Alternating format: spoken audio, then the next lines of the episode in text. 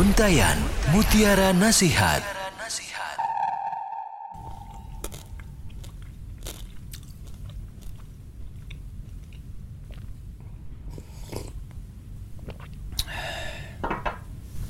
Enaknya jadi orang kaya. Ada berbagai macam kesenangan, berbagai macam fasilitas, semua tersedia. Tapi apa tidak boleh ya kita berangan-angan jadi orang kaya? Kata siapa tidak boleh? Boleh, boleh saja. Apalagi berangan-angan untuk kebaikan. Rasulullah Shallallahu Alaihi Wasallam bersabda, "Akhiru minat tamanni, fa innahu minat doa." Perbanyaklah untuk berangan-angan karena itu termasuk doa.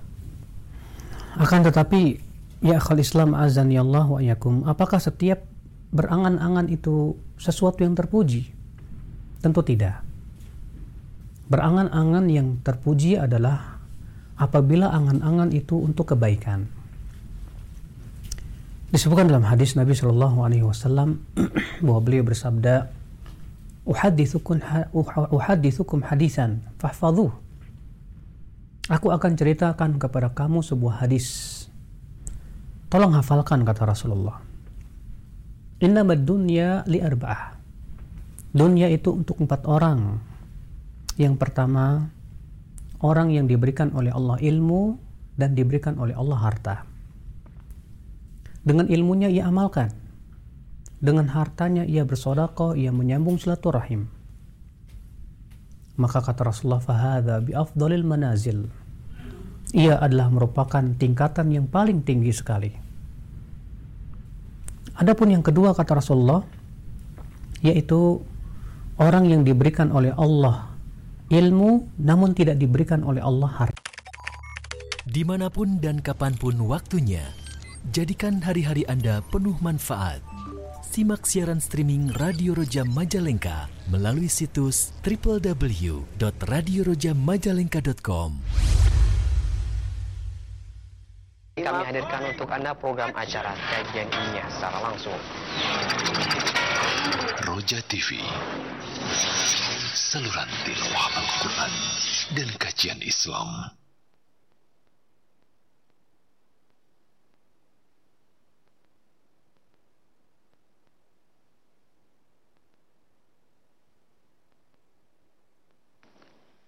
Bismillah, Assalamualaikum warahmatullahi wabarakatuh. Alhamdulillahilladzi awrasala rasulahu bil huda wa dinil haqq liyudhhirahu 'ala ad-dini kullihi walau karihal musyrikun. Asyhadu an la ilaha illallah wahdahu la syarika lah wa asyhadu anna Muhammadan abduhu wa rasuluh la nabiyya ba'da ma'bad. Ikhwata Islam wa Para pemerhati roja di mana pun Anda berada, Alhamdulillah di kesempatan Sabtu siang pekan kedua yang berbahagia ini kembali kita akan simak program kajian ilmiah disampaikan oleh guru kita Ustadz Abdurrahman Taib El Siyafidahullah dari kota Surabaya. Pembahasan di kesempatan ini masih melanjutkan kitab Ta'liqo ala Syarhis Sunnah lil Imami Al-Muzani yang ditulis oleh Fadilatul Syekh Profesor Dr. Abdul Razak bin Abdul Musin Al-Badar Hafidahullah. Nah, ikhwata Islam setelah penyampaian materi, silakan nantinya Anda dapat bertanya secara langsung di line telepon 0218236543 atau Anda dapat mempersiapkan pertanyaan melalui pesan singkat di chat WhatsApp di nomor 0819896543. Berikut kita akan simak penjelasan materi yang akan disampaikan. Selanjutnya kami persilakan kepada Al-Ustadz Falyatafaddal Mashkura Ustadz Nam. Jazakumullah khairan. السلام عليكم ورحمة الله وبركاته. إن الحمد لله نحمده ونستعينه ونستغفره ونعوذ بالله من شرور أنفسنا ومن سيئات أعمالنا. من يهديه الله فلا مضل له ومن يدلل فلا هادي له. أشهد أن لا إله إلا الله وحده لا شريك له وأشهد أن محمدا عبده ورسوله. يا أيها الذين آمنوا اتقوا الله حق تقاته ولا تموتن إلا وأنتم مسلمون.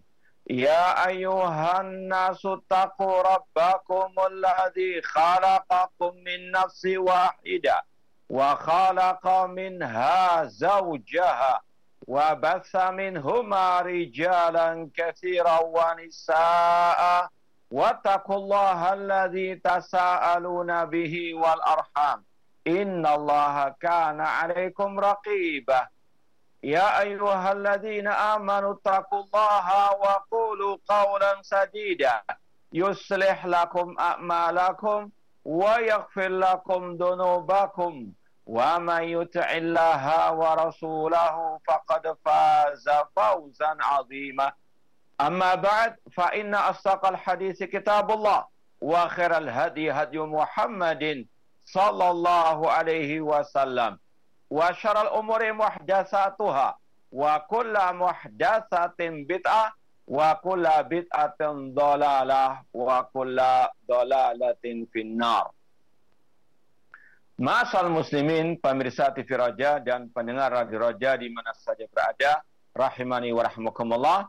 Alhamdulillah segala puji bagi Allah Subhanahu wa taala yang mempertemukan kita kembali dalam kajian kitab ta'liqatun ala syari sunnah lil imam al-muzani atau syara akidah imam al-muzani al-syafi'i oleh fadilatul syekh Dr. Abdul Razak bin Abdul Muhsin al-Abbad al-Badr hafidallahu ta'ala semoga Allah subhanahu wa ta'ala senantiasa memberikan kepada kita keistiqomahan dalam belajar akidah salaf dan berpegang teguh dengannya sampai akhir hayat kita nanti. Langsung saja kita lanjutkan poin yang masih berkaitan dengan al-iman bil yaumi al-akhir.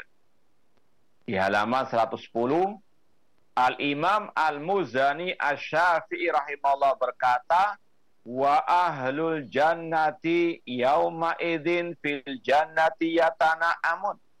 dan para penghuni surga pada waktu di surga mereka merasakan berbagai macam bentuk kenikmatan. Wa bisunu fil lazzati yatalazzazun dan mereka menikmati berbagai macam kelezatan-kelezatan di surga. Wa bi afdalil karamati yuhbarun dan dengan nikmat yang paling mulia, yang paling agung mereka bergembira, mereka berbahagia. Semoga Allah Subhanahu wa taala menjadikan kita termasuk para penghuni surga di hari kiamat kelak. Fahum hina idzin ila rabbihim yang turun. Dan mereka pada waktu di surga melihat kepada Rabb mereka. La yumaruna fin nazar ilaih wala yashukun mereka tidak ragu tentang melihat wajah Rabb mereka. Fawujuhum bikaramati nadiratun. Wajah mereka dengan kemuliaan dari Allah, karunia dari Allah berseri-seri. Wa a'yunuhum bifadlihi ilaina nadiratun. Dan mata mereka dengan karunia, dengan keutamaan dari Allah, mereka melihat kepadanya fi na'imin daimin muqim dalam kenikmatan yang kekal abadi selama-lamanya. Kemudian Al-Imam Al-Muzani Asy-Syafi'i rahimahullah membawakan ayat surat Al-Hijr ayat 48 yang berbunyi la yamassuhum fiha nasabun wa ma hum minha bimukhraj. Mereka tidak merasakan di dalam surga keletihan, kecapean dan tidak pula mereka dikeluarkan dari surga. Kemudian ayat 35 dari surat Ar-Ra'd, ukuluha daimun wa. Buah-buahan yang ada di surga itu terus menerus berbuah, demikian pula dengan naungannya. Tilka uqbal ladina taqaw. Itulah balasan bagi orang-orang yang bertakwa wa uqbal kafirina nar dan balasan bagi orang-orang kafir adalah neraka. Nauzubillahi min dalik. Kemudian Imam Al-Muzani Asy-Syafi'i melanjutkan lagi dengan mengatakan wa ahlul jahdi an rabbihim yauma idillah mahjubun. Namun orang-orang kafir yang mereka mengingkari hari kebangkitan, mengingkari Allah Subhanahu wa taala, mereka terhijabi dari Rabb mereka pada waktu hari kiamat terutama ketika mereka di neraka. Wa finnari yusyarun dan mereka dibakar di dalam api neraka. Labi sama qaddamat lahum anfusuhum an sakhitallahu alaihim wa fil adzabihum khalidun. Al-Imam Al-Muzdani Asy-Syafi'i membawakan surat Al-Maidah ayat yang ke-80 yang artinya sungguh jelek apa yang mereka perbuat bagi diri mereka yaitu Allah murka atas mereka dan mereka kekal di dalam azab neraka. Layuk alaihim fayamutu. Mereka tidak dibinasakan hingga mati. Wala anhum min azabiha. Dan mereka tidak pula diringankan azabnya. Kadzalika najzi kulla kafur. Demikianlah kami balas setiap orang-orang kafir. Surat Fatir ayat 36. Kemudian kata Imam Al-Muzani Asy-Syafi'i, khala man Allah minal muwahhidin ikhrajahum minha. Kecuali orang-orang yang dikehendaki oleh Allah dari ahli tauhid yang akan dikeluarkan dari api neraka. Semoga Allah menjauhkan kita dari api nerakanya dan semoga Allah memasukkan kita ke dalam surganya. Ini akhir pembahasan tentang al-iman bil yaumil akhir. Ya, sudah kita sampaikan pada kesempatan yang lalu beberapa pembahasan tentang al-iman bil yaumil akhir, tentang yaumul ba'ats, yaumul hasyr, hari kebangkitan, hari dikumpulkannya manusia, adanya al-hisab, adanya timbangan, kemudian dibahas di sini surga dan neraka. Masal muslimin pemirsa TV Raja dan pendengar Radio Raja di mana saja berada rahmani wa rahmatullah. Kita baca syarah atau penjelasan dari Syekh Dr. Abdul Razak bin Abdul Musin Al-Abbad. Beliau mengatakan kauluhu Imam Muzani tadi berkata wa ahlul jannati yauma idin fil jannati amun. Penghuni surga pada waktu di surga mereka merasakan berbagai macam bentuk kenikmatan. Wa bisunu fil ladzat yatalazzadun. Dan dengan berbagai macam kelezatan mereka menikmatinya. Wa bi afdalil karamati yuhbarun. Dan mereka sangat bergembira bahagia senang dengan kemuliaan yang diberikan oleh Allah Subhanahu wa taala. Kama akhbaran Allah Jalla Jalalu an hadan naim fi ayatin adidah Allah Subhanahu wa taala telah menjelaskan di dalam banyak ayat-ayat Al-Qur'an tentang berbagai macam kenikmatan di surga. Di antaranya dalam surat Az-Zukhruf ayat 71 Allah berfirman yutafu alaihim bisihafin min dahabin wa akwab. Mereka dikelilingi dengan piring-piring dari emas dan juga piala-piala. Wa fiha ma tastahil anfus. Di dalam surga ada berbagai macam yang menyenangkan jiwa. Wa talazul a'yun. Dan yang menyenangkan pandangan. Wa antum fiha khalidun. Dan kalian di dalamnya kekal abadi. Dan juga dalam pembahasan akidah sering dibahas masalah surga dan neraka bahwasanya al-jannah wa an-nar maujudatanil an baqiyatani bahwasanya surga dan neraka sudah ada sekarang dan kekal abadi selama-lamanya.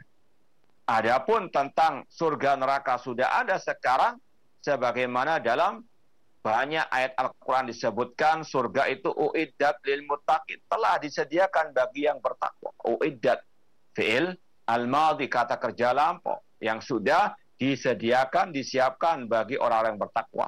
Sebaliknya sur neraka kata Allah uiddat lil kafirin disediakan telah disiapkan bagi orang-orang kafir. Adapun dalil kekal-kekalan surga neraka di antaranya ayat yang kita baca ini. Ya, kata Allah, surga itu kekal abadi. Demikian pula dengan neraka penghuninya kekal abadi khalidina. Bahkan ditambah khalidina fiha abada. Ini menunjukkan surga neraka kekal selama-lamanya. Ini membantah kelompok Jahmiyah Mu'tazilah yang mereka mengingkari kekekalan api neraka dan kekekalan surga ataupun tentang surga neraka itu sudah ada sekarang. Kemudian dibawakan oleh Imam atau oleh Syekh Dr. Abdul Razak bin Abdul Muhsin Al-Abbad ayat ke 12 sampai 22 dari surat Al-Insan Ya, kita baca ayat dan juga terjemahannya agak lumayan panjang. Allah Subhanahu wa taala berfirman dalam surat Al-Insan ayat 12, "Wa jazahum bima sabaru jannata wa harira." Dan dia Allah memberi balasan kepada mereka karena kesabaran mereka dengan surga dan pakaian dari sutra.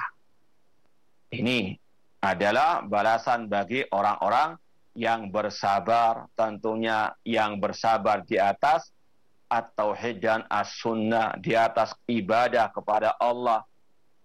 Tidak mungkin orang bisa masuk surga tanpa at-tauhid. Orang yang berbuat syirik haram masuk surga. Innahu man yusyrik billah faqad harramallahu alil jannah wa ma'wahun nar wa ma lidh min ansar. Sesungguhnya barang siapa berbuat syirik, Allah haramkan baginya surga, tempatnya adalah api neraka. Kemudian kata Allah, Muttaqi'ina fiha alal araik, la yarawna fiha syamsan wala zamharira. Di dalamnya, di dalam surga, mereka duduk bertelekan di atas dipan. Mereka tidak merasakan di dalamnya teriknya sinar matahari dan tidak pula kedinginan yang menyengat. Wadaniyatan alaihim dilaluha wa dhullilat kutufuha tadlila dan naungan pohon-pohon surga itu dekat di atas mereka. Dan buahnya dimudahkan memetiknya semudah-mudahnya. Ini kenikmatan di surga eh semoga Allah mengumpulkan kita di surga kelak wa yutafu alaihim bi aniyatin min siddatin wa akwabin kanat qawarira dan diedarkan kepada mereka bejana-bejana dari perak dan piala-piala yang bening laksana kaca. Qawarira min fiddatin qaddaruha takdira. Yaitu kaca-kaca yang terbuat dari perak yang telah diukur mereka dengan sebaik-baiknya. Wa fiha ka'san mizajuha zanjabila. Di dalam surga itu mereka diberi minum segelas minuman yang campurannya adalah jahe. Ya, dan kata Abdullah bin Abbas radhiyallahu taala anhuma, "Ma fil jannah mimma fid dunya ilal asma." Tidaklah yang ada di surga dari nama-nama yang ada di dunia kecuali hanya sekedar persamaan dalam nama. Ada sungai di surga, sungai di dunia, namun hakikatnya berbeda. Ada buah di surga, buah di dunia, namun hakikatnya berbeda. Hanya sama namanya. Demikian pula di sini Zanjabil, tentunya yang ada di surga lebih nikmat ya tidak ada bandingnya dengan yang di dunia ainang fiha tusamma salsabila yang didatangkan dari sebuah mata air surga yang dinamakan salsabil wa yatufu alaihim wildanun mukhalladun idza ra'aitahum hasibatahum lu'lu'an mansura dan mereka dikelilingi oleh pelayan-pelayan muda yang tetap muda apabila kamu melihat mereka, kamu akan mengira mereka mutiara yang bertaburan. Wa idza ra'aita thamma ra'aita na'ima wa mulkan kabira. Dan apabila kamu melihat di sana surga, niscaya kamu akan melihat berbagai macam kenikmatan dan kerajaan yang besar. Adiyahum siyabu sundusin khudrun wa istabara wa hullu asawira min fiddatin wa saqahum rabbuhum syaraban tahura mereka memakai pakaian sutra halus yang hijau dan sutra tebal dan dipakaikan kepada mereka gelang terbuat dari perak dan rob mereka memberikan kepada mereka minuman yang bersih. inna hadza kana lakum jazaan wa kana sa'yukum mashkura. Sesungguhnya ini adalah balasan untukmu dan usahamu adalah disyukuri alias diberi balasan. Ya, sekali lagi kita mohon kepada Allah semoga Allah memasukkan kita ke dalam surganya dan menjauhkan kita dari api nerakanya. Ini beberapa ayat yang berkaitan dengan kenikmatan di surga. Masih banyak lagi ayat-ayat yang lain. Seperti misalnya dalam surat Al-Waqi'ah, nah, dan yang lainnya. Kemudian ma'asal muslimin, pemirsa TV Raja dan pendengar Radio Raja rahmani wa rahmakumullah, Imam Al-Muzani mengatakan lagi, fahum hina izin ila rabbihim yang durut. Mereka pada waktu di surga melihat kepada Rabb mereka. Dan ini merupakan nikmat yang teragung, nikmat yang paling besar di surga, nikmat melihat wajah Allah Subhanahu wa taala. Semoga Allah Subhanahu wa taala memberikan kepada kita kenikmatan melihat kepada wajahnya di surga kelak. Kemudian kata Imam atau kata Syekh Abdul Razak, "Lamma dzakara musannif rahimallah na'ima ahlil jannah atba'ahu bizikri a'zami na'imin yanaluhu ahlul jannah. Setelah Imam Al-Muzani menyebutkan beberapa kenikmatan penghuni surga, beliau melanjutkan dengan menyebutkan nikmat yang paling agung yang digapai oleh para penghuni surga. Apa itu? Wahuwa ru'yatullahi azza wa jalla haqiqatan bi absarihim yaitu melihat kepada wajah Allah pada hari kiamat ya secara hakiki bi absarim dengan mata kepala mereka. Para penghuni surga melihat kepada Allah dengan mata kepala mereka. Ya sebagaimana dalam nas baik ayat ataupun hadis-hadis yang mutawatir. Ya ini disampaikan untuk membantah juga kelompok Al-Mu'tazilah dan yang semisal dengan mereka yang mengingkari ru'yatullah fil jannah.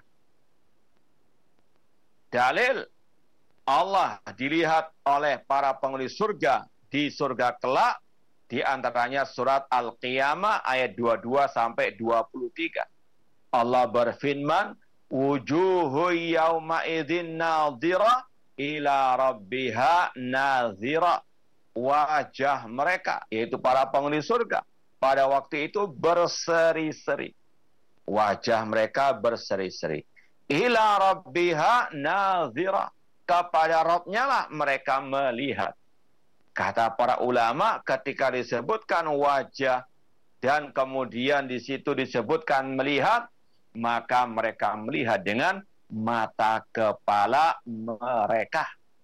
Ini membantah juga ahlu takwil yang mengatakan ia melihat namun dengan mata hati. Naudzubillah min. Allah mengatakan wajah ya berseri-seri kepada Rabbnya lah melihat. Ya, disandarkannya melihat kepada wajah menunjukkan yang melihat itu mata kepala bukan mata hati. Demikian pula Rasul SAW bersabda, Ida dakhala ahlul jannati al jannata yaqulullahu azza wa jalla turiduna syai'an azidukum apabila para penghuni surga telah masuk surga Allah berfirman apakah kalian mau aku tambahi kenikmatan? Fayakulun para penghuni surga menjawab alam tubayit wujuhana alam tudkhilna jannata wa tunjina minan nar. Ya Allah, bukankah engkau telah menjadikan wajah kami berseri-seri? Bukankah engkau telah memasukkan kami ke dalam surga, menyelamatkan kami dari api neraka? Qal. Kemudian dikatakan, fayak shiful hijab. Allah pun menyingkapkan hijabnya. Fama u'tu syai'an ahabba ilaihim minan nadhar ila rabbihim tidaklah mereka diberi sesuatu yang lebih mereka cintai daripada melihat kepada Rabb mereka. Ini sabda Rasul SAW yang diyakini oleh ahlu sunnah wal jamaah sepanjang masa orang beriman di surga melihat kepada wajah Rabb mereka.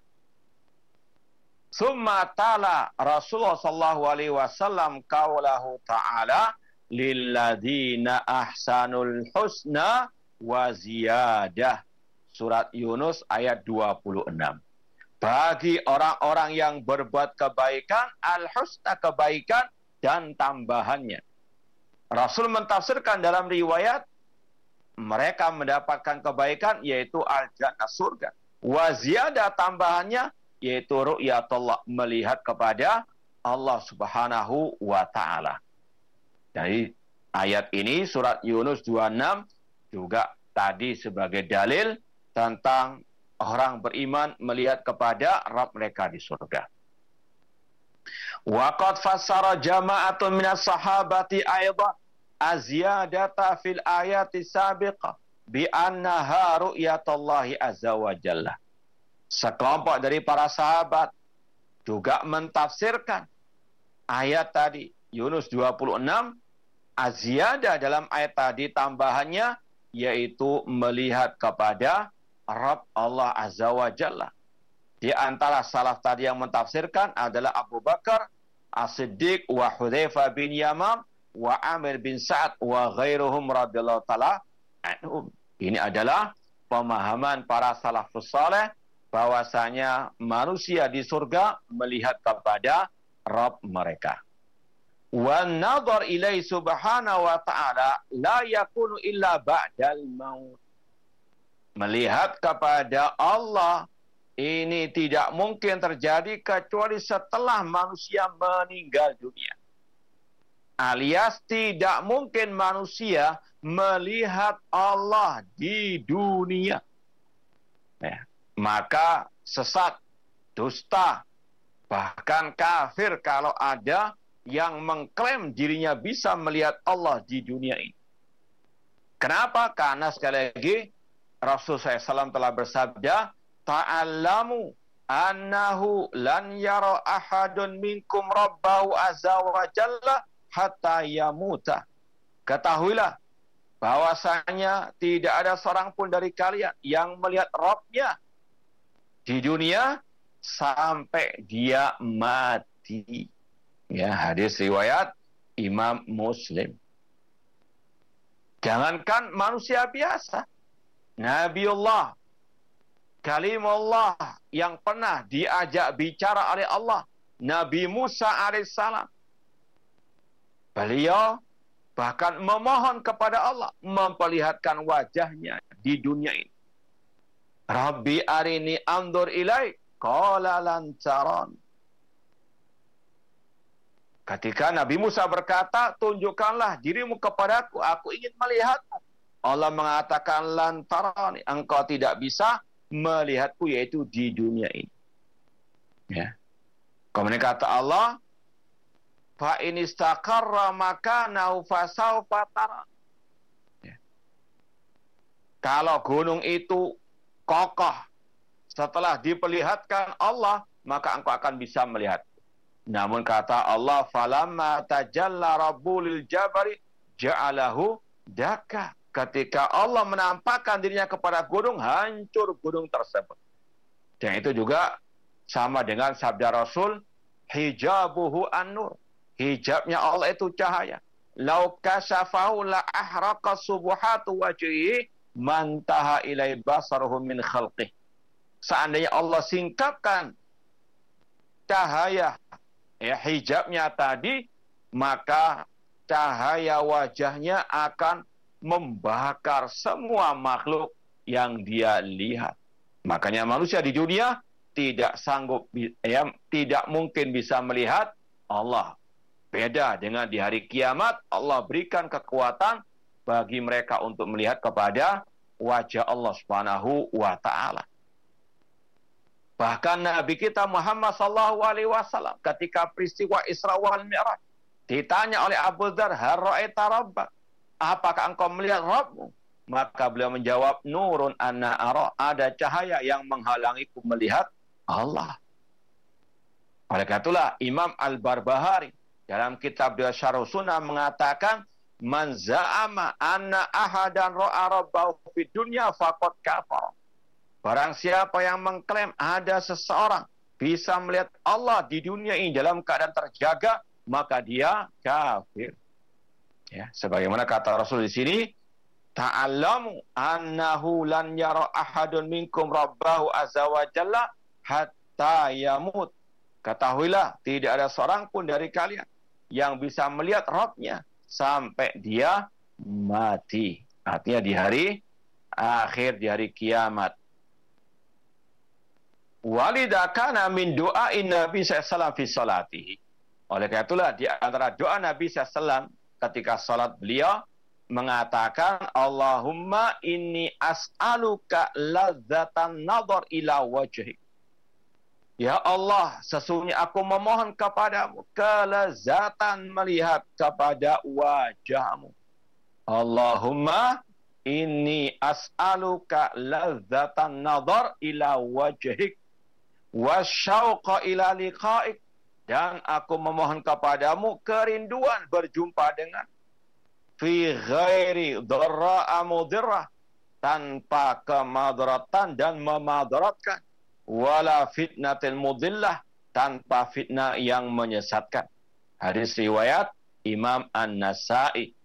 Ini juga dalil Allah dilihat pada hari kiamat. Orang beriman melihat kepada wajah Allah Subhanahu wa taala.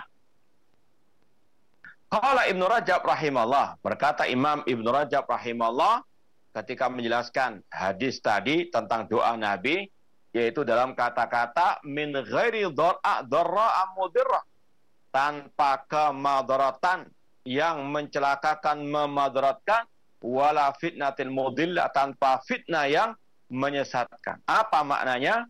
Kata Syekh, kata Imam Ibn Rajab Al-Hambali rahimahullah, li'anna syauqa ila liqa'illah yastalzimu mahabbatal.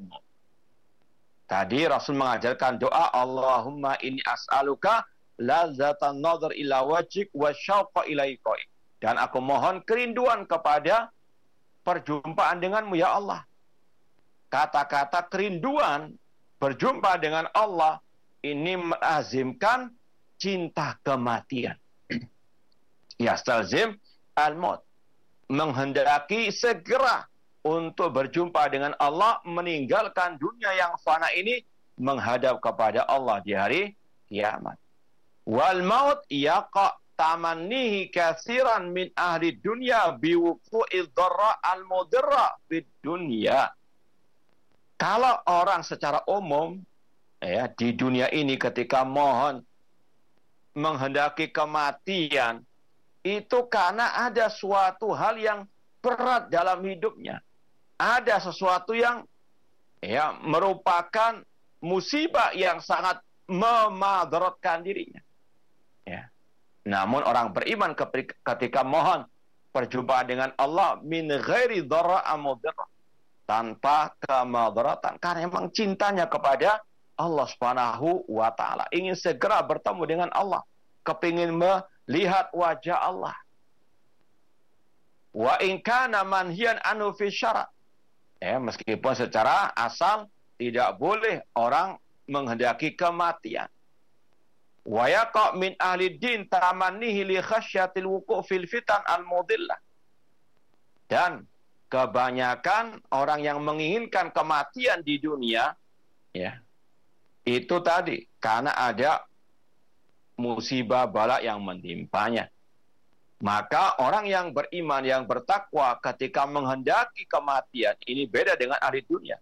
Mereka betul-betul ingin berjumpa dengan Allah. Mereka ingin selamat dari fitnahnya dunia yang menyesatkan. Fasa'ala tamaniyal maut khalian min hadaini al. Maka dia mohon kepada Allah mengharapkan segera diwafatkan tanpa ada tadi. Dara mudir mudirra kemadratan yang mencelakakan atau fitnatin mudillah. Wa an yakuna nasyian an mahdi mahabbatillah. Ah, orang yang beriman bertakwa ketika menghendaki kematian murni karena cinta Allah, ingin berharap ya ketemu dengan Allah yang selama ini dia ibadahi. Wasyauq ila liqa'i. Kemudian Imam Al-Muzani berkata tadi, la yumaruna fin nazar ilai wa la Orang yang beriman, para penghuni surga, mereka tidak pernah ragu tentang melihat kepada wajah Allah Subhanahu wa taala. Wa hada tanbihun jalilun minal musannif rahimallah annahu yajib 'alal mu'min alla yakuna indahu syakkun wala miryatun fi sya'nir ru'yati. Ini merupakan catatan penting dari penulis yaitu Imam Al-Muzani bahwasanya wajib bagi setiap mukmin mukminah agar tidak ada keraguan dalam dirinya tentang masalah ru'yatullah. Harus yakin orang beriman melihat kepada Allah di hari kiamat kala. Apalagi dalilnya sudah jelas dari ayat ataupun dari sabda Rasulullah SAW. Ya, demikian pula Rasul mengatakan innakum satarawna rabbakum kama tarawna al-qamar lailatal badri la tudamuna fi ru'yati. Sesungguhnya kalian akan melihat kepada Rob kalian sebagaimana kalian melihat rembulan di kala purnama. Tasbih ru'ya bir ru'ya la tasbihal mar'i bil mar'i kata para ulama. Rasul tidak menyamakan Allah dengan rembulan. Namun Rasul menyamakan cara melihat Allah sama dengan cara melihat rembulan. Rembulan ada di atas dan yang melihat ada di bawah. Mereka tidak layudhamuna fi ru'yati. Fi ru'yati mereka tidak saling berdesa-desakan ketika melihat Allah Subhanahu wa taala. Orang beriman la yumarun, tidak ragu, tidak ada keraguan sama sekali tentang akidah yang satu ini. Kemudian kata beliau, wal iyadu uh,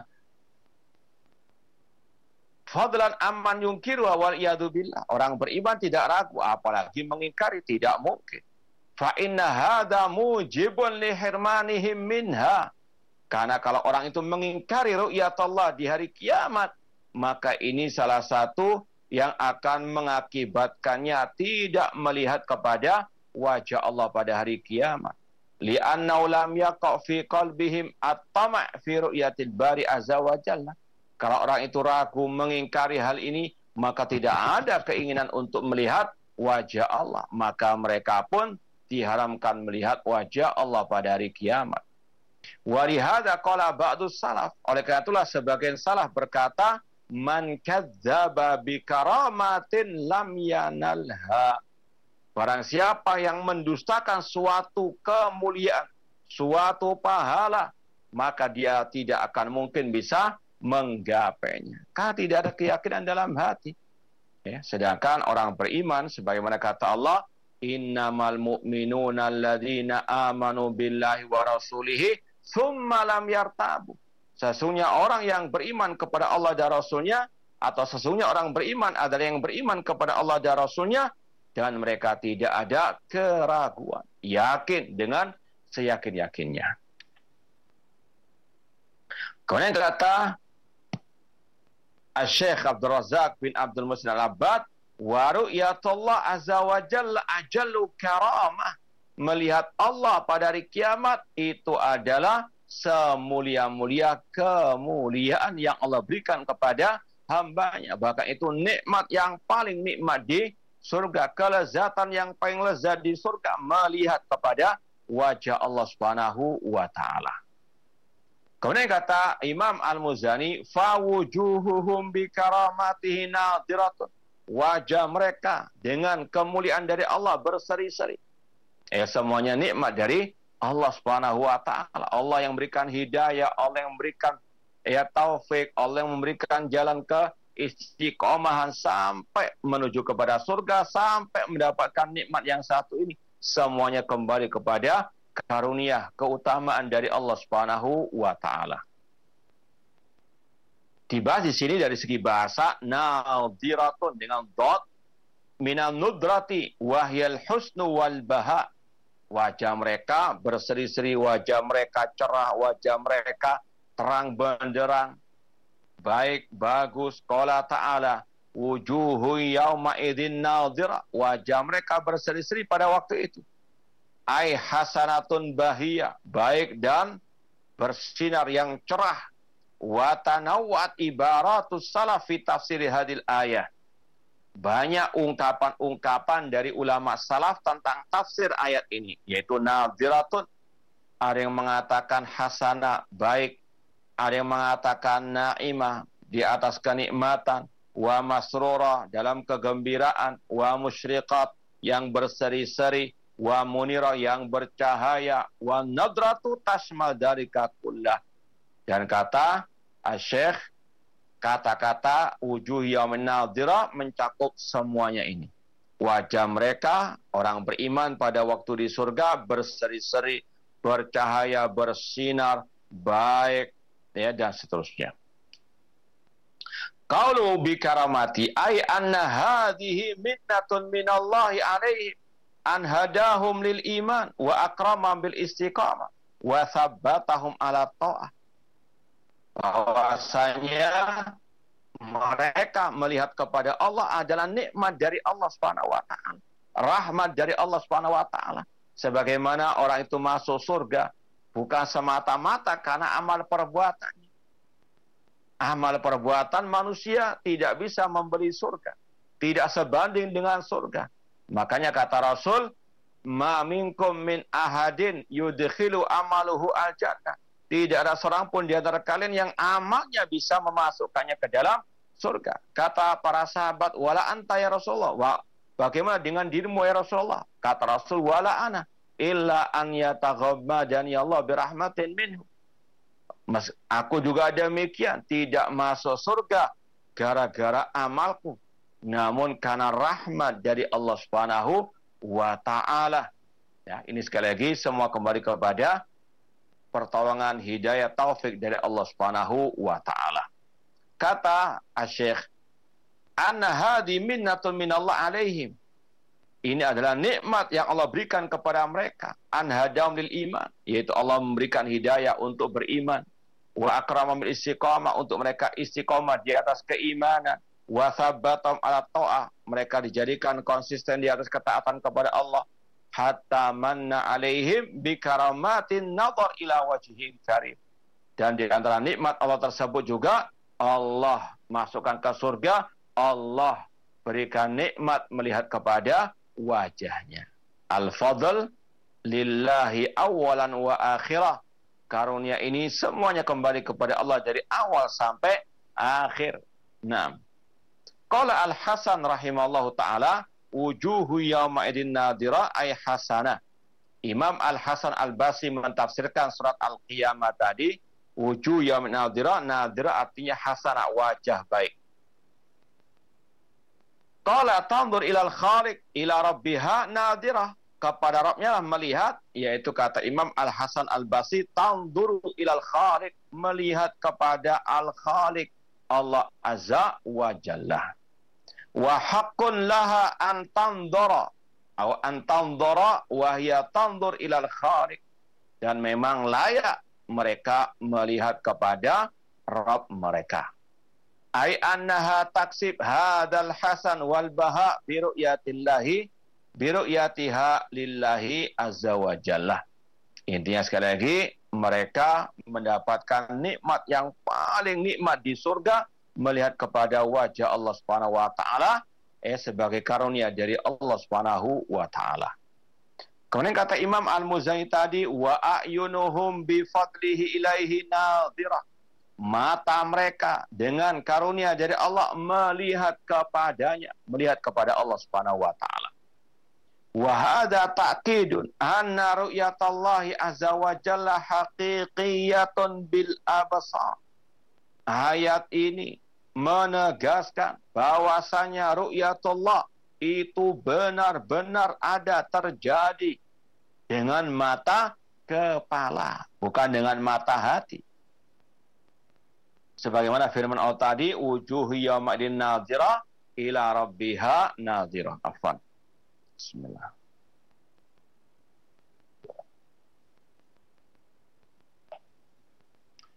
Kemudian kata Syekh Abdul Razak li'anna nadhar idza uddiya bi ilah lam yahtamil ghaira ru'ya al-haqiqiyah bil absar. Secara kaidah bahasa Arab, kata-kata nadhara yang duru nadhran kalau dia ditambahi huruf ila maka maknanya hanya satu melihat dengan mata kepala. Ya.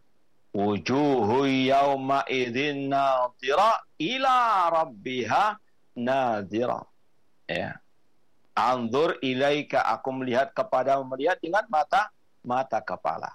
Maka ini sekali lagi bantahan kepada ahlu takwil, kelompok Mu'tazilah dan yang semisalnya yang mereka mengatakan melihat Allah di hari kiamat namun dengan mata hati, mata batin. Ini sekali lagi ucapan yang sesat menyesatkan. Kata Imam Muzain lagi fina imin daimin mungkin. Mereka dalam kenikmatan di surga kekal abadi selama-lamanya aina imun mustamirun daim kenikmatan yang terus menerus yang kekal abadi wa yashmal hadzan nazar ila Allah subhanahu wa taala.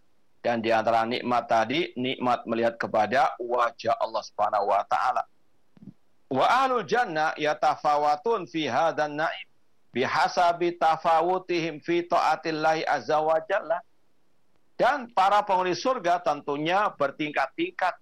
Derajat mereka likulin darajatun mimma amil. Sesuai dengan amal per, amal perbuatan mereka ya semakin banyak amal perbuatan mereka tentunya yang ikhlas yang ittiba maka semakin banyak mereka mendapatkan kenikmat makanya kata ulama al jannatu darajat surga itu bertingkat-tingkat.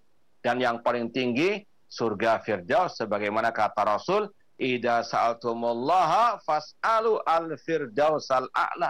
Jika akan mohon kepada Allah, mintalah surga Firdaus yang paling yang paling tinggi.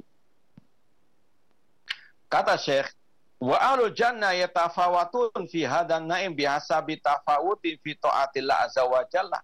Perbedaan kelas tingkatan mereka di surga sesuai dengan perbedaan ketaatan mereka, sesuai dengan eh perbedaan ketaatan mereka kepada Allah Subhanahu wa taala. Wal iman bihi tergantung juga keimanan mereka kepada Allah. Fahum laisu fi dalik ala darajatin wahidah mereka tidak satu tingkat di surga kemudian kata Asyik tadi Allah berfirman la yamassuhum fiha nasabun wa ma hum minha bimukhrajin an-nasab artinya at-ta'ab ya fa'id uh, Allah berfirman fa idza faraghta fansab apabila kalian sudah selesai dari suatu amalan, maka apa? Beramalah yang lain. Ya, bercapek-capeklah dalam menggapai kebaikan. Kata seorang penyair, insab fa inna lazizal aishi fin nasab. Berlelah letihlah, capek-capeklah, karena kenikmatan dunia itu setelah rasa capek tersebut. Falaysa fil jannati ta'abun wala masyaqqah namun di surga tidak ada rasa capek, letih, lelah, tidak ada. Eh, semua yang ada kebahagiaan, kesenangan. Wala amradun tidak ada penyakit di dalam surga. Wala asqam. Bal fiha an-naim wal. Bahkan yang ada hanyalah kenikmatan dan kelezatan. Semoga Allah sekali lagi memasukkan kita ke dalam surganya wa mahum minha bimukhrajin dan mereka tidak akan dikeluarkan dari surga tersebut ai yabqauna fiha abadal abad mereka kekal selama-lamanya di dalam di dalam surga ini akidah sunnah surga itu kekal abadi kalau penghuninya kekal abadi demikian pula dengan surganya mukhalladina fi hadan naimil muqim wal fadlil al amin mereka kekal di dalam kenikmatan yang selama-lamanya dan dalam karunia yang sangat luas. Ukuluha daimun wa dhilluha. Buah-buahannya terus tumbuh, terus berbuah. Wa dhilluha. Demikian pula dengan naungan di surga. Tilka uqbal ladina takau. Itulah balasan bagi orang-orang yang bertakwa. Ini salah satu sebab meraih surga Allah dengan takwa Allah Azza wa Jalla, bertakwa kepada Allah. Takwa yang sebenarnya. Sebagaimana kata Talak bin Habib, anta bi ta'atillah ala nurin minallah tarju sawaballah. Yaitu melaksanakan ketaatan kepada Allah di atas cahaya dari Allah, di atas dalil dari Al-Quran maupun sunnah Rasulullah SAW dalam rangka mengharapkan pahala dari Allah. Wa anta truka maksiat Allah ala nurin min Allah takhafu Allah. Dan engkau meninggalkan maksiat kepada Allah di atas cahaya dari Allah, di atas dalil dalam rangka takut azab Allah. Ini takwa yang akan mengantarkan manusia ke dalam surga. Wasari'u ila maghfiratin min rabbikum wa jannatin ardu samawati wal ardu uiddat lil muttaqin bersegeralah kepada ampunan Rob kalian dan kepada surga yang luasnya seluas langit dan bumi yang Allah sediakan, yang Allah telah sediakan bagi orang-orang yang bertakwa. Itulah balasan bagi orang-orang yang bertakwa kata Allah wa uqbal kafirina nar. Adapun balasan orang kafir adalah api neraka. Makna ayat tadi ukuluha ukuluha daimun ukulul jannah wa dhilluha wa na'imuha daimun ghairu munqati. Buah-buahan di surga, naungan di surga, kenikmatan di surga itu kekal abadi selama-lamanya. Wa qad ja'alaha Allah subhana aqibatal muttaqin wa ma'anahu. Dan surga Allah jadikan sebagai tempat tinggal orang-orang yang bertakwa. Dan takwa sebagaimana kita sampaikan tadi melaksanakan perintah Allah. Dan yang paling diperintahkan oleh Allah adalah perintah bertauhid, mengesahkannya dalam ibadah. Wa'budullah wa la tusyriku bihi syai'a. Dan yang paling dilarang oleh Allah adalah syirik kepada Allah. Inna syirka la dhulmun azim. Maka itu syarat mutlak orang meraih surga at-tauhid meninggalkan asyirk. Nah, Wa qad ja'alaha Allah Subhanahu wa taala akibatal muttaqin wa ma'alahum wa amal kafirin fa ukbahumun nar. Adapun orang kafir tempat tinggal mereka di dalam api neraka.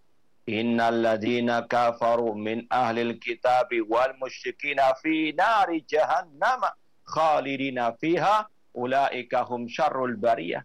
Sesungguhnya orang-orang kafir dari Alkitab dan orang musyrikin mereka kekal di dalam api neraka selama-lamanya mereka lah sejelek-jelek makhluk.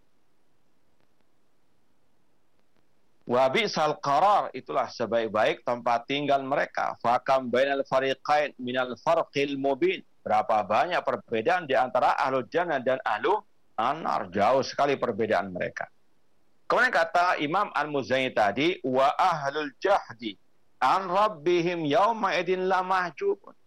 Orang-orang yang tidak mau mengimani ru'yat Allah di hari kiamat mereka yang tidak akan ya diperlihatkan wajah Allah Subhanahu wa taala akan terhijabi dari melihat Allah. Ai al-kuffar ar-rabbim yauma idin mahjubun. Orang-orang kafir di neraka tentunya tidak akan mungkin bisa melihat kepada wajah Rabb mereka. Sebagaimana sebagaimana firman Allah dalam surat Al-Mutaffifin ayat 15. Ini dalil ketiga dari ayat Al-Quran tentang ru'yatullah. Allah dilihat pada waktu di surga oleh orang beriman.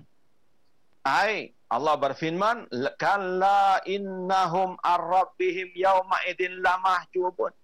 Sekali-kali tidak, sesungguhnya mereka terhijabi, tertutupi dari melihat Rabb mereka. Ay la yarawna Allah azza wa jalla wa yanaluna hadan na'im mereka tidak melihat kepada Allah. Mereka tidak bisa menggapai nikmat yang satu ini. Wahadal hajbu sababuhu sukhtullah alaihim. Kenapa mereka terhijabi dari melihat Allah? Karena Allah murka kepada mereka orang-orang kafir tersebut karena mereka tidak beriman kepada Allah Subhanahu wa taala. Fa idza kana Rabb subhanahu hajabahum an hadan na'im li sukhti alaihim fama sya'nu marradiya anhumullahu azza wa jalla. Ketika Allah murka kepada orang kafir, Allah tidak melihatkan wajahnya kepada mereka, maka sebaliknya Allah akan memperlihatkan wajahnya kepada orang-orang yang beriman yang diridhoi oleh Allah Subhanahu wa taala. Qala al-musannif rahimallah. Imam Al-Muzani pernah berkata, Sami'tu Ibrahim ibn Haram Al-Qurashi wa kana min ilyati ashabi Syafi'i. Kata Imam Al-Muzani, aku pernah mendengar Ibrahim bin Haram Al-Qurashi dan beliau Ibrahim ini termasuk orang dekatnya Imam Ash-Syafi'i rahimahullah. Yakul dia berkata, Sami itu Syafi'iyah Yakul. Kata Ibrahim bin Haram Al-Qurashi tadi, aku mendengar Imam Syafi'i rahimahullah berkata tentang firman Allah tadi surat Al-Mutaffifin, Kalla innahum ar-rabbihim yawma mahjubun. Sekali-kali tidak mereka terhijabi dari melihat Rabb mereka. Kata Imam Syafi'i, falamma hajabahum fi sukhti kana hadha dalilan ala annahum yarawnahu fir ridha. Kalau Allah menutupi mereka dari melihatnya dalam keadaan dia murka, maka sebaliknya ini adalah dalil Allah dilihat oleh orang-orang beriman dalam keadaan Allah ridha kepada mereka. Masal muslimin, pemirsa TV Raja dan pendengar Radio Raja di masa berada rahimani wa rahmakumullah. Kemudian dikatakan oleh seseorang yang bernama Abu Najm Al-Qazwini. Faqala lahu Abu Najm Al-Qazwini. Ya Aba Ibrahim yakni Al-Muzani bihi taku. Ya, ada orang yang kunyanya Abu Najm Al-Qazwini berkata kepada Imam Al-Muzani, Wahai Ibe Imam Al-Muzani, wahai Abu Ibrahim, kunyanya Imam Muzani, apakah engkau mengatakan sebagaimana yang dikatakan oleh Imam Asy-Syafi'i bahwasanya Allah terhijabi dari orang kafir dan Allah dilihat oleh orang yang beriman. Apakah engkau mengatakan demikian juga, meyakini demikian juga? Kata Imam Al-Muzani, "Na'am wa bihi adin." Ya benar. Dan itulah keyakinanku. Itulah akidah. Faqala ilaihi Isam faqabbala ra'sahu. Eh, kemudian ada seseorang yang bernama Isam langsung mencium kepala Imam Al-Muzani seraya berkata, Ya Sayyidah Syafi'iyin, wahai tuannya ulama-ulama mazhab syafi'i.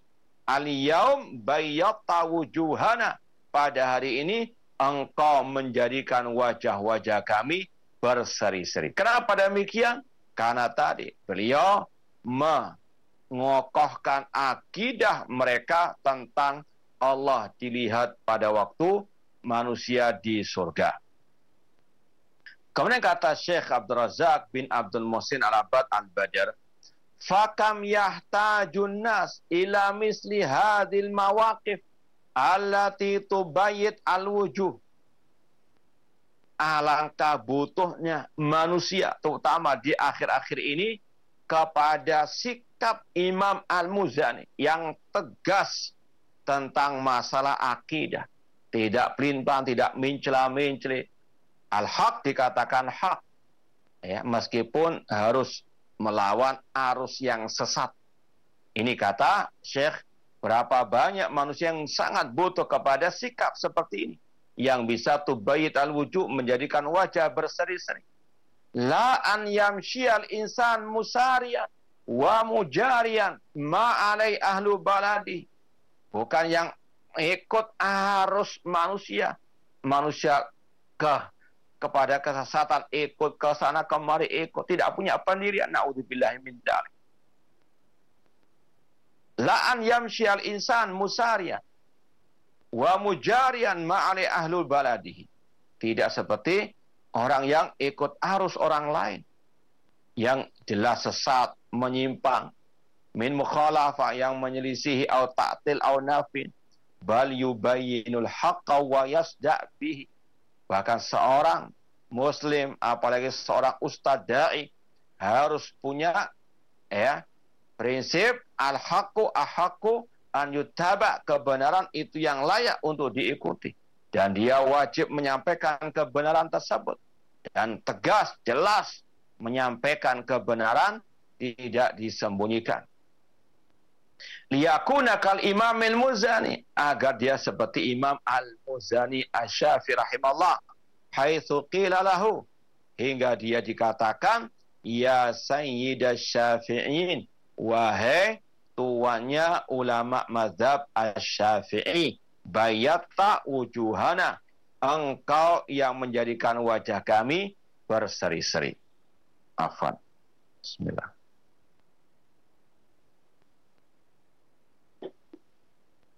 Kemudian kata Imam Al-Muzani Asy-Syafi'i, wa finnari yusjarun. Dan mereka orang-orang kafir dibakar di dalam api neraka. Yakni yuqadun min qalihim sajara at-tanur idza malahu bil Kemudian kata Allah dalam surat Al-Maidah ayat 80, labi sama qaddamat lahum anfusum an sakhitallah alaihi wa fil adabihum khalidun. Sungguh jelek, buruk apa yang mereka perbuat bagi diri mereka yaitu di dunia sehingga Allah murka kepada mereka dan mereka pun kekal di dalam adab mereka. Ini juga dalil sekali lagi penghuni neraka kekal demikian pula dengan nerakanya. Fal kufar la yamutun bal hum baquna fi hadzal adab abadal aba. Orang-orang kafir mereka tidak mati di dalam api neraka. La yamutu fiha wa la yahya. Mereka tidak mati dan juga tidak hidup. Kalau mati enak sudah nggak merasakan azab dan tidak pula hidup dengan kenikmatan. Ya, ini sekali lagi bagaimana adabnya orang kufar. Na'udzubillah min dalik. Kemudian kata Imam atau kata Syekh Abdul Razak, bal hum bakuna fi hadal adab abadal abad. Kama qala ta'ala, ayat dalil juga tentang kekekalan penghuni api neraka dari orang-orang kafir, la yukdo alaihim fayamutu. Mereka tidak dibinasakan hingga mereka mati. Wala yukhaffafu anhum min adabiha mereka juga tidak diringankan adabnya. Kadzalika najzi kulla kafur. Demikianlah kami membalas setiap orang kafir. Wahum yastarikhuna fiha. Mereka berteriak menjerit mengatakan Rabbana akhijna na'mal salihah. Wahai Rabb kami, keluarkan kami dari api neraka sehingga kita bisa beramal saleh. Ghaira kunna na'mal, bukan seperti yang kita amalkan dulu. Awalam nu'amirkum ma yatadzakkar fihi man tadzakkar wa ja'akum kata Allah bukankah kami telah memanjangkan usia kalian sehingga bisa untuk dijadikan bahan renungan dan telah datang kepada kalian pemberi peringatan. Fadhuku fama min nasir.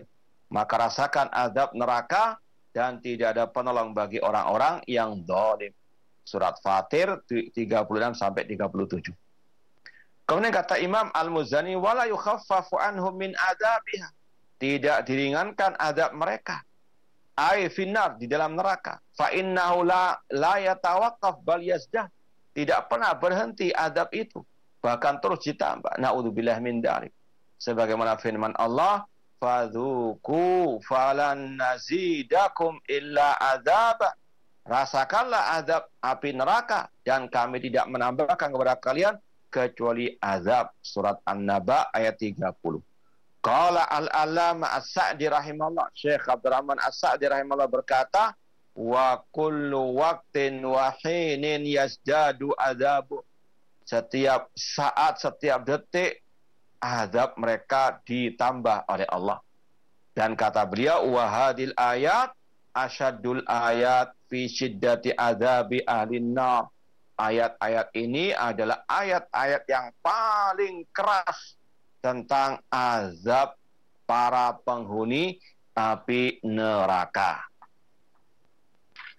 Kemudian ma'asal muslimin, pemirsa TV Raja, rahimani wa rahmatullah, Imam Muzani mengakhiri bab ini dengan kata-kata, khala man sya'allah minal muwahidin ikhrajuhum minha.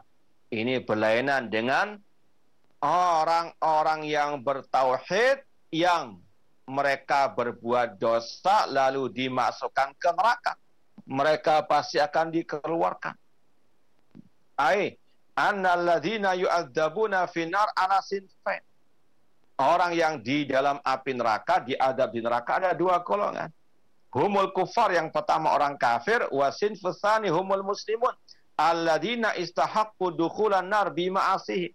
Yang kedua orang-orang muslim yang mereka layak masuk neraka karena perbuatan dosa mereka.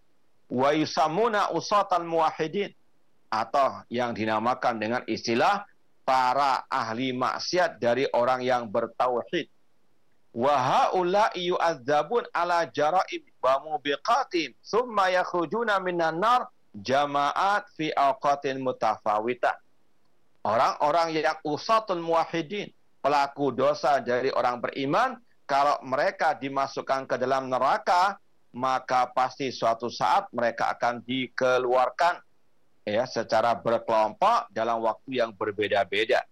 Hatta la finnar illa sinful awal wa humul kuffar.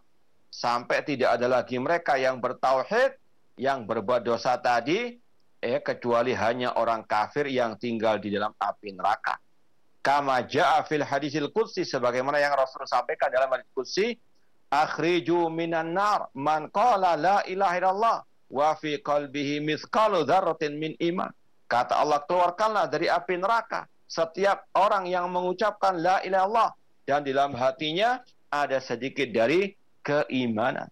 Ya, setiap orang beriman kalaupun diadab di neraka pasti suatu saat akan dikeluarkan.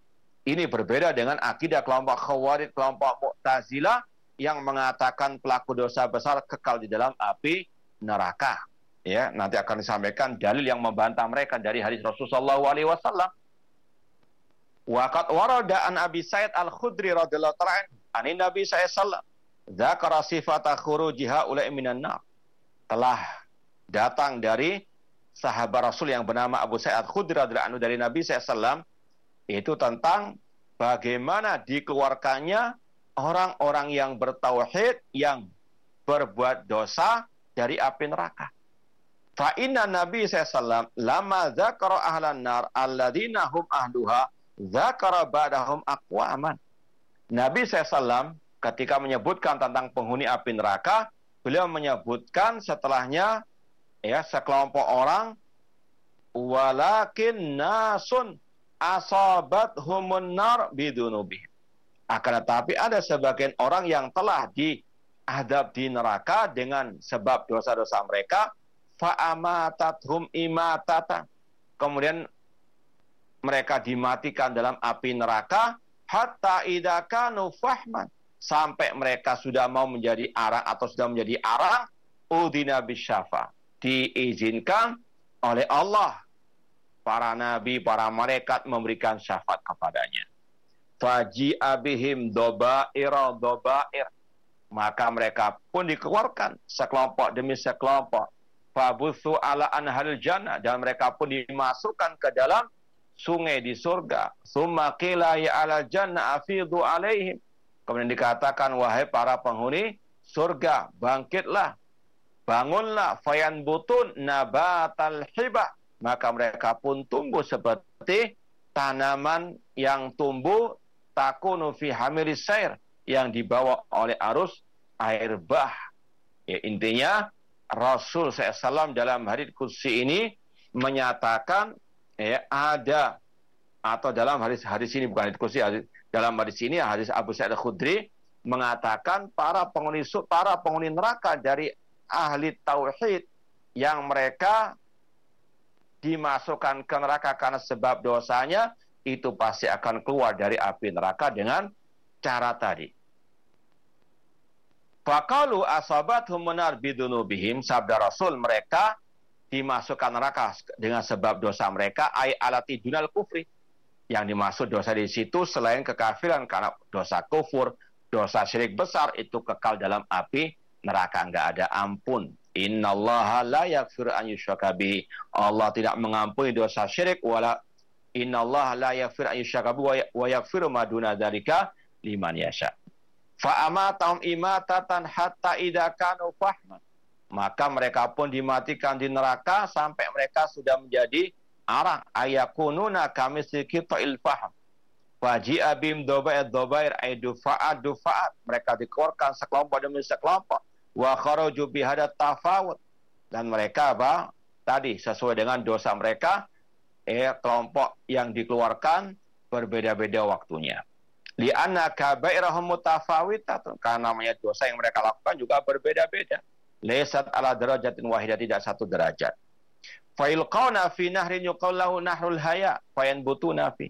Dalam riwayat dikatakan mereka dimasukkan ke dalam sungai kehidupan lalu mereka pun tumbuh sebagai manusia. Ai ba'da mautin finnar setelah kematian mereka di neraka wa tahawulim ila qita' minal faham sehingga mereka menjadi arang yulqauna fi naril firdaus dimasukkan ke dalam sungai firdaus fayahyauna bimi bimaihi. Mereka pun hidup ya dengan sebab air dari surga tersebut. Kamatan butul hiba fi hamilis sebagaimana tumbuhnya tanaman yang dibawa oleh air bah. Al-hibah yal budur al tanbut fi sahra. Ya. Wallahu taala alam. Ini yang mungkin bisa kita sampaikan pada kesempatan yang berbahagia ini. Semoga Allah menjauhkan kita dari api nerakanya dan masukkan kita ke dalam surganya. Wallahu taala alam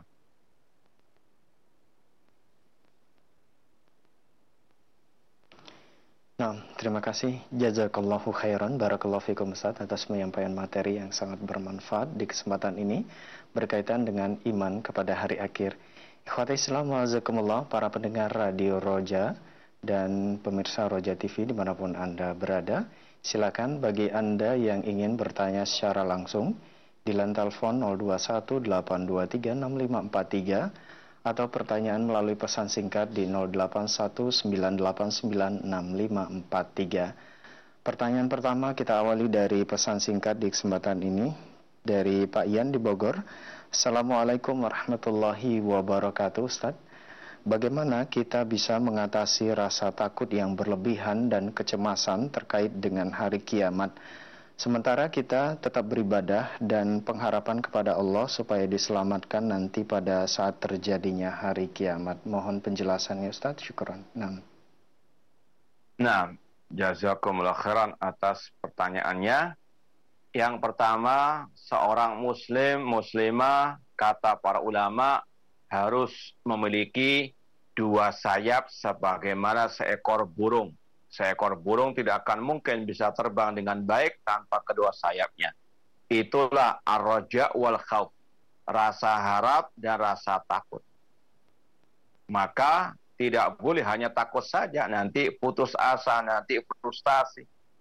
Roja saja ini akan meremehkan dosa, harus dua-duanya ada. Ada khauf, ada roja. Kalau rojaknya berlebihan, maka ditarik dengan khaufnya khaufnya berlebihan ditarik dengan rojaknya. Ya, di antaranya juga kalau terlalu ya ada perasaan takut yang berlebihan, ya kita harus ingat di antara nama Allah Ar-Rahman Ar-Rahim yang Maha Penyayang, yang lagi Maha Pengasih. Wasiat rahmatu kulla. Rahmat Allah meliputi segala sesuatu. Ya, maka kita apa? Perbanyak mengharap ya rahmat Allah Subhanahu wa taala. Wallahu taala alam. Nah, terima kasih. Syukuran atas jawaban yang disampaikan Ustaz. Semoga bermanfaat untuk penanya. Pertanyaan berikutnya masih dari pesan singkat kembali dari Irfan di Bogor. Assalamualaikum warahmatullahi wabarakatuh Ustaz. Apakah salah satu bentuk iman kepada hari akhir yaitu berusaha untuk tidak berbuat zolim berselisih dengan sesama saudara muslim, mohon nasihatnya Ustaz. Barakallahu. Nah. Rasul SAW pernah bersabda, Man kana yu'minu billahi wal yaumil akhir fal yakul khairan awliyasmut. Barang siapa yang beriman kepada Allah dan hari akhir, maka hendaklah dia berucap yang baik, atau kalau nggak bisa berucap yang baik, maka dia dia diam. Ini landasan orang berbuat, landasan orang berucap iman kepada Allah dan iman kepada hari akhir. Iman kepada Allah ditafsirkan dengan al-ikhlas, ya berbuat ikhlas karena Allah. Iman kepada hari akhir sebagai motivasi untuk kita tetap berbuat yang baik. Ya. Apa di antara perbuatan baik? watawasobil hak watawasobi asober ya tidak menyakiti orang lain tanpa tanpa hak ya.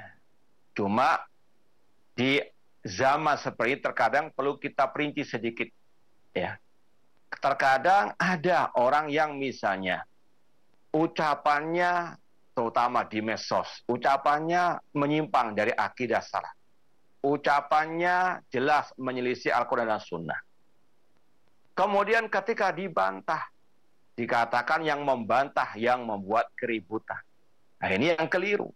ya Yang membantah, yang menasehati, ini yang tadi berkata yang yang baik. Yang pertama kali yang memposting, yang mengucapkan ucapan yang menyimpang, yang menyelisih Al-Quran Sunnah, ini yang membuat perselisihan ini biang kerok keresahan kesesatan. Ya, makanya Syekh Abdul Razak juga dalam buku beliau yang sangat luar biasa bagusnya Manhaj Ahli Sunnah fi Tauhidil Ummah. Ada sebuah risalah oleh Syekh Dr. Abdul Razak Manhaj Ahli Sunnah dalam menyatukan umat. Beliau menyebutkan tentang sabda Rasul wala tabaghadu. Jangan kalian saling membenci. Ya. Kata Syekh, sebagian ulama mentafsirkan menjelaskan hadis ini dengan kata-kata fihi annahyu anil bidah. Di dalam hadis ini terdapat larangan berbuat kebid'ahan. Ini penafsiran yang sangat mendalam. Lafadznya jangan saling membuat kebencian. Tapi kata ulama tadi, di dalamnya ada larangan berbuat bid'ah. Kenapa? Karena bid'ah itu biang kerok keributan. Biang kerok perselisihan. Biang kerok perpecahan umat. Kata beliau juga, bukan yang membantah bid'ah yang membuat perselisihan. Bukan yang membantah kesesatan yang membuat keributan. Jadi sekali lagi, harus dipahami dengan baik dan benar. Karena sekarang ini sudah banyak yang dibolak-balik yang berbuat bid'ah ditokohkan yang membantah bid'ah, dibuli, diusir dan seterusnya. Naudzubillah min dzalik. Wallahu taala alam. Nah, jazakallahu khairan. Barakallahu fikum atas jawaban yang disampaikan. Semoga bermanfaat untuk penanya dan kita yang menyimak. Ikhwat Islam, wazakumullah. Silakan bagi Anda yang ingin bertanya secara langsung. Masih kami buka kesempatan di lantai telepon 0218236543. Ya, silakan.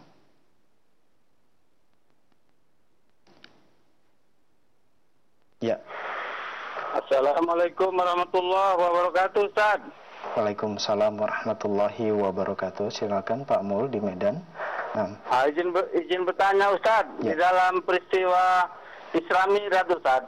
Hmm. Malaikat Jibril menunjukkan kepada Nabi Muhammad Sallallahu Alaihi Wasallam orang-orang yang disiksa di neraka. Nah, yang saya ingin tanyakan Ustaz, apakah penghuni neraka saat ini sudah ada Ustaz. Baik.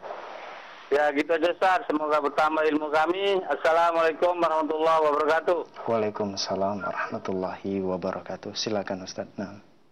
Ya, yang pertama sudah kita sampaikan tadi, surga dan neraka itu sudah ada sekarang. Namun apakah para penghuninya sudah ada? Tentunya penghuni surga neraka itu dalam kategori penghuni yang permanen sebagaimana kita sampaikan tadi itu akan ada setelah hari kiamat. Ya, sekarang belum terjadi hari hari kiamat, belum ada hari kebangkitan, hari penghisaban. Eh, maka surga dan neraka belum ada penghuni. Adapun kisah-kisah tadi ini kita wajib mengimaninya bahwasanya juga Allah ala kulli syai'in qadir Allah Maha Kuasa atas segala sesuatu. Allah Maha Kuasa menampakkan para penghuni neraka, para penghuni surga, meskipun mereka masih belum ada sekarang ini. Allah ala kulli syai'in syai'in qadir. Namun sedikit kita tambahkan, kelompok Mu'tazilah, kelompok yang menyembah akal, yang sekarang ini juga banyak menyebar di tengah-tengah kita, yang juga lagi viral, ya. Semoga Allah menyelamatkan umat Islam dari kesesatan dan penyimpangan, mereka la kasrallahu amsalahum. Yang mana ahlu sunnah meyakini bahwasanya surga neraka sudah ada sekarang. Beda dengan kelompok Mu'tazilah. Mereka mengatakan surga neraka sekarang tidak ada. Apa alasan mereka? Alasan mereka akal picik mereka. Dengan alasan kalau sekarang surga neraka ada, padahal belum ada penghuninya, itu kata mereka sia-sia mubazir istilahnya. Maka dijawab oleh para ulama bahwasanya tadi nasnya jelas Allah mengatakan uiddat lil muttaqin surga telah disediakan bagi orang yang bertakwa neraka kata Allah uiddat lil kafirin telah disediakan bagi orang-orang kafir kemudian Allah Subhanahu wa taala sudah menjadikan surga dan neraka atau sudah menggunakan surga dan neraka untuk memberikan balasan bagi yang beriman dan yang kafir di alam barzakh. Orang yang diberikan nikmat di alam kubur, di alam barzakh, di antaranya diberikan kenikmatan surga, dibukakan pintu surga. Dia sudah merasakan nikmat surga meskipun belum masuk surga. Artinya apa? Surga sudah diberikan kenikmatannya bagi yang di alam barzakh dari orang-orang yang bisa menjawab pertanyaan mungkar wan nakir. Sebaliknya neraka digunakan untuk menyiksa orang-orang kafir. An-naru yuraduna 'alaiha ghuduwan wa asya. Api neraka dipaparkan kepada Fir'aun dan para pengikutnya pagi dan petang hari, yaitu di alam alam barzakh. Wallahu taala alam.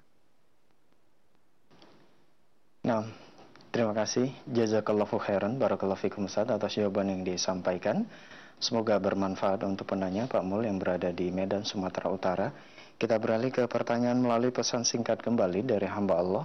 Assalamualaikum warahmatullahi wabarakatuh Ustaz.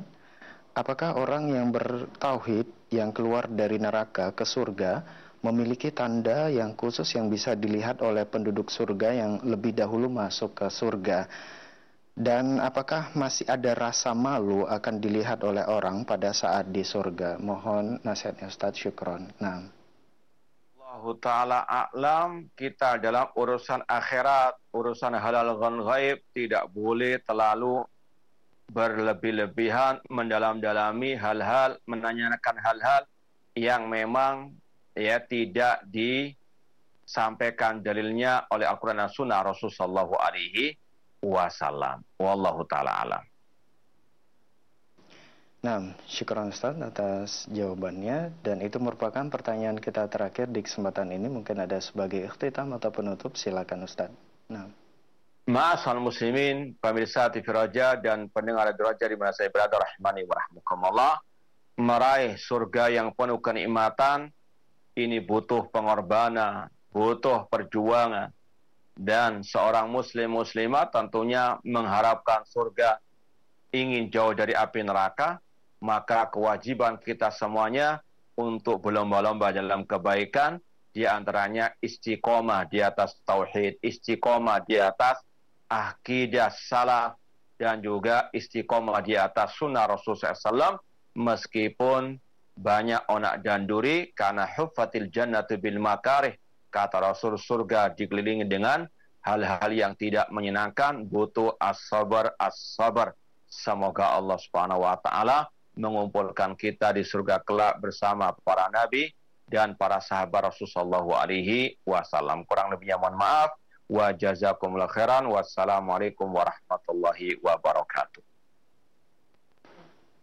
Waalaikumsalam warahmatullahi wabarakatuh. Terima kasih Jazakallahu khairan barakallahu fikum kepada guru kita Ustadz Abdurrahman Taib Elsi Hafizahullah atas ilmu yang sangat bermanfaat yang telah disampaikan untuk kita semua.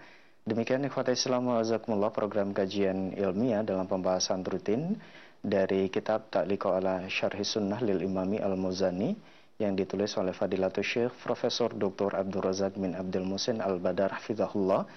Semoga apa yang telah kita simak dengarkan bersama dapat kita fahami dengan baik dan benar dan tentunya semoga dapat memperkuat iman dan persiapan menghadapi hari akhir. Nah, ikhwata Islam azakumullah tetaplah berpegang teguh pada nilai-nilai keislaman dan teruslah menuntut ilmu syar'i. Kami yang bertugas mohon pamit undur diri. Mohon maaf atas segala khilafan. Terima kasih. Jazakumullahu khairan. Barakallahu fikum atas kebersamaan Anda.